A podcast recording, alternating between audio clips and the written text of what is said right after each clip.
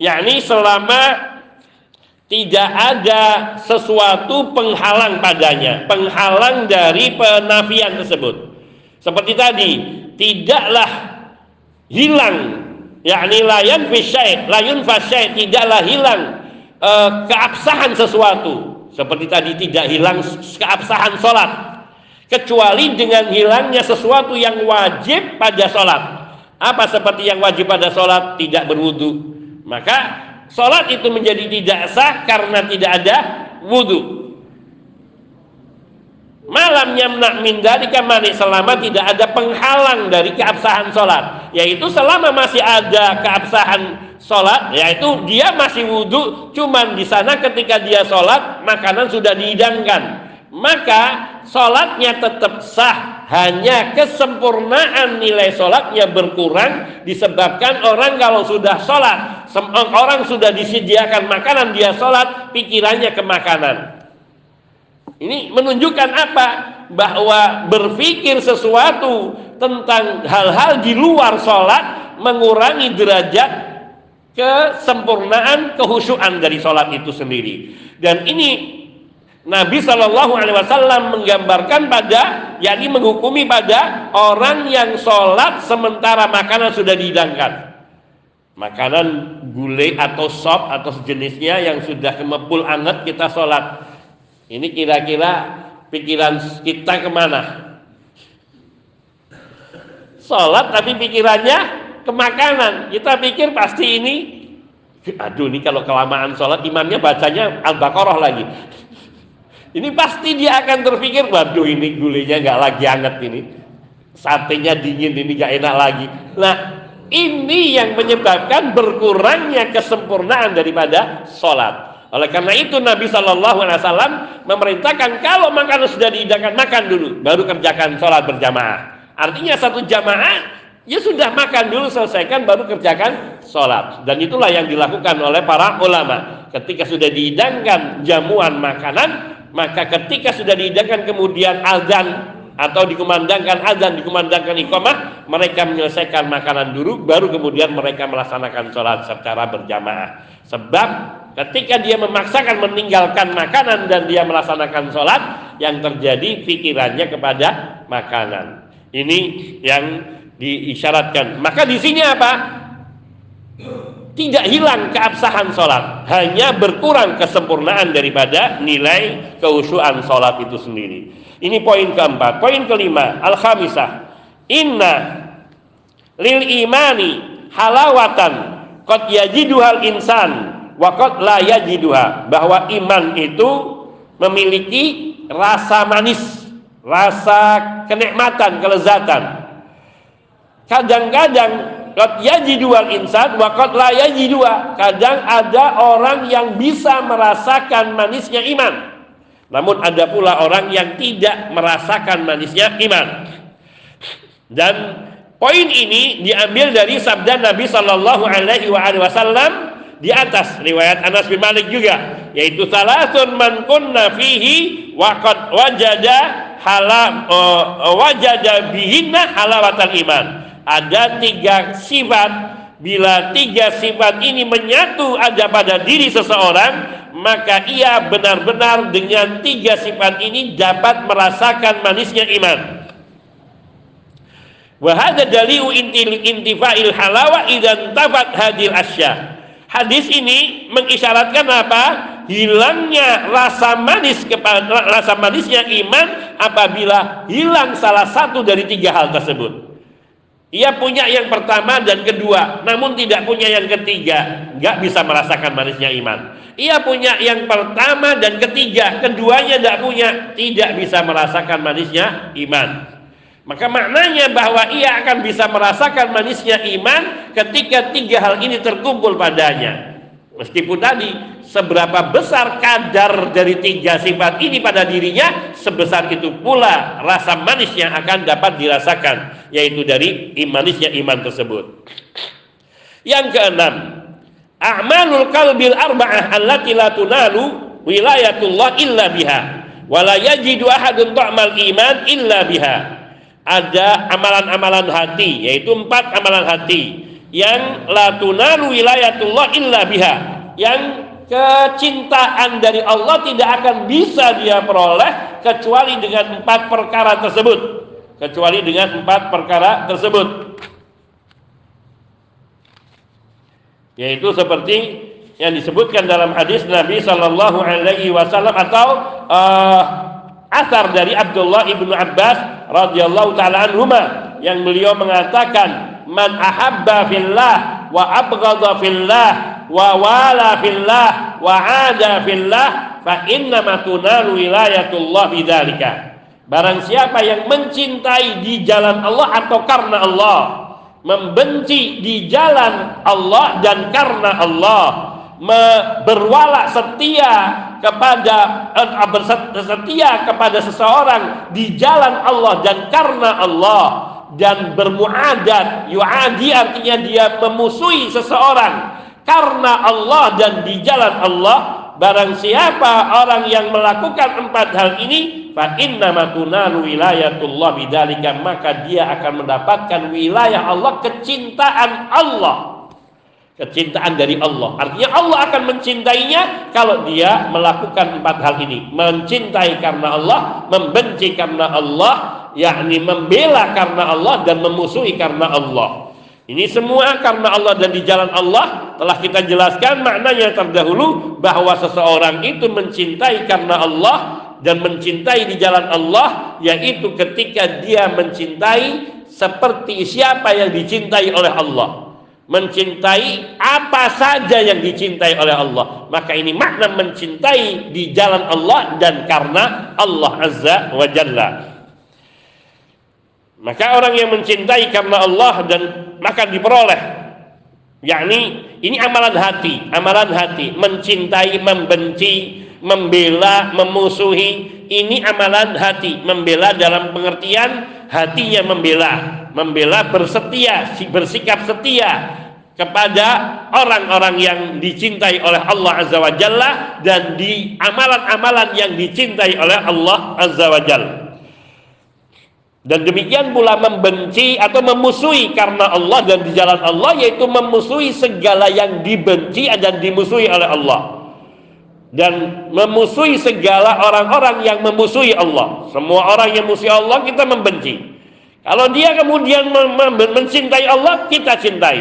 Maka itu semua berjalan berlaku sesuai dengan yakni dengan cinta Allah sandarannya cinta kepada Allah Subhanahu wa taala. Wala yajidu ahadun ta'mal iman illa biha. Kemudian amalan hati ini yang ya, amalan hati yang lainnya yaitu seseorang tidak akan bisa merasakan lezatnya manisnya iman kecuali bila dia memilikinya yaitu tiga perkara tadi ayakun Allah wa rasuluhu ahabba ilaihi mimma siwahuma Allah dan Rasulnya lebih dia cintai daripada selainnya. Ayahibbal mar'a yuhibbu illa lillah. Ia ketika mencintai seorang tidaklah ia mencintainya selain semata-mata karena Allah Azza wa Jalla. Kenapa engkau mencintai si fulan? Karena beliau orang yang dicintai oleh Allah dengan karena beliau adalah orang yang dicintai Allah. Yani, kenapa engkau mencintai Rasulullah? Karena Rasulullah adalah orang yang dicintai oleh Allah Subhanahu wa taala. Kenapa engkau mencintai saudaramu muslim? Karena Allah mencintai hamba-hambanya yang beriman. Maka kita mencintai siapa yang dicintai oleh Allah Subhanahu wa taala. Ini ayyuhibbal mar'a yuhibbu illa lillah. Tidaklah ia mencintai seorang selain semata-mata karena Allah Azza wa Jalla. Maka seorang mukmin ia harus mencintai sesama mukmin karena orang-orang mukmin itu dicintai oleh Allah Azza wa Jalla. Yang ketiga, ayakraha ayyauda ilal kufri ba'dama anqadahu Allahu minhu kama yakra ayyugdafa finnar.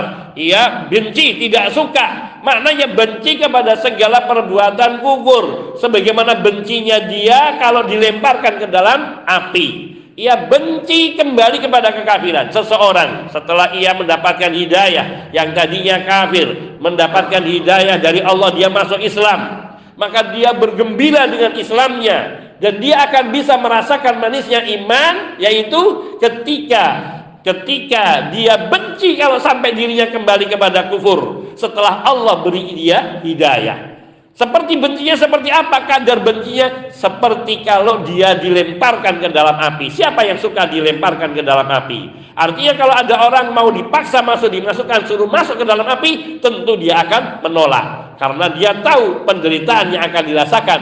Maka seperti itu kebencian seseorang mukmin kepada kekafiran seperti itu maka ia dapat merasakan manisnya iman.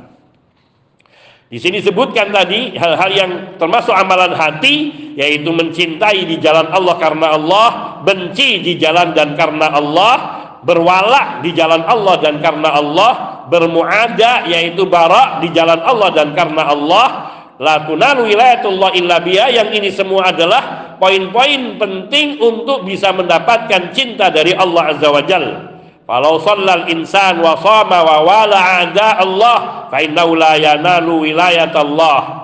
Meskipun seorang itu salat, seseorang itu berpuasa, namun dia berwala kepada musuh-musuh Allah, setia mencintai kepada musuh-musuh Allah, maka dia tidak mendapatkan kecintaan Allah dia tidak akan memperoleh kecintaan Allah Azza wa Jalla. Berkata Ibnu Qayyim rahimahullahu taala, "Atuhibbu a'da al-habibi wa tad'i hubban lahu ma dzaka fi imkani." Kata Nabi kata Ibnu Qayyim rahimahullahu taala, engkau mencintai musuh-musuh sang kekasih yaitu mencintai musuh-musuh Allah wa tad'i hubban lahu kemudian kamu mengaku bahwa kamu mencintai Allah madzaka fi imkani. Sungguh itu suatu yang mustahil. Sesuatu yang tidak mungkin orang mengaku dirinya mencintai Allah namun dia masih mencintai musuh-musuh Allah. Maka ini menunjukkan bahwa seorang itu bukan hilang imannya namun dia tidak bisa merasakan manisnya iman. Sedangkan wahada la yakbaluhu hatta sibyan antuwaliya man adahum. Termasuk di dalam pergaulan pun kita tidak akan mendapatkan seperti ini. Misalnya pada anak-anak, bahkan pada anak-anak yang masih polos, kita mengatakan mencintai anak ini, namun ia dalam waktu yang sama mencintai orang-orang yang dibenci anak ini. Tentu anak ini akan menolak cintanya. Ah, engkau dusta, engkau masih mencintai orang-orang yang memusuhiku, orang-orang yang membenciku. Maka itu juga seperti itu. Bah, pada anak yang sifatnya masih murni, masih jernih, apalagi pada orang dewasa sudah mutlak, kita tidak akan terima orang mengaku dia suka sama kita kalau dia masih menyukai orang-orang yang memusuhi kita. Itu suatu apalagi Allah Azza wa Jalla maka tidak mungkin seseorang itu dikatakan mencintai Allah kalau dia memusuhi mencintai musuh-musuh Allah. Sedangkan perkataan Nabi sallallahu alaihi wasallam wala yajidu ahadun ta'mal iman illa biha ma'khudatun min qauli Ibnu Abbas. Perkataan ini diambil dari perkataan Ibnu Abbas.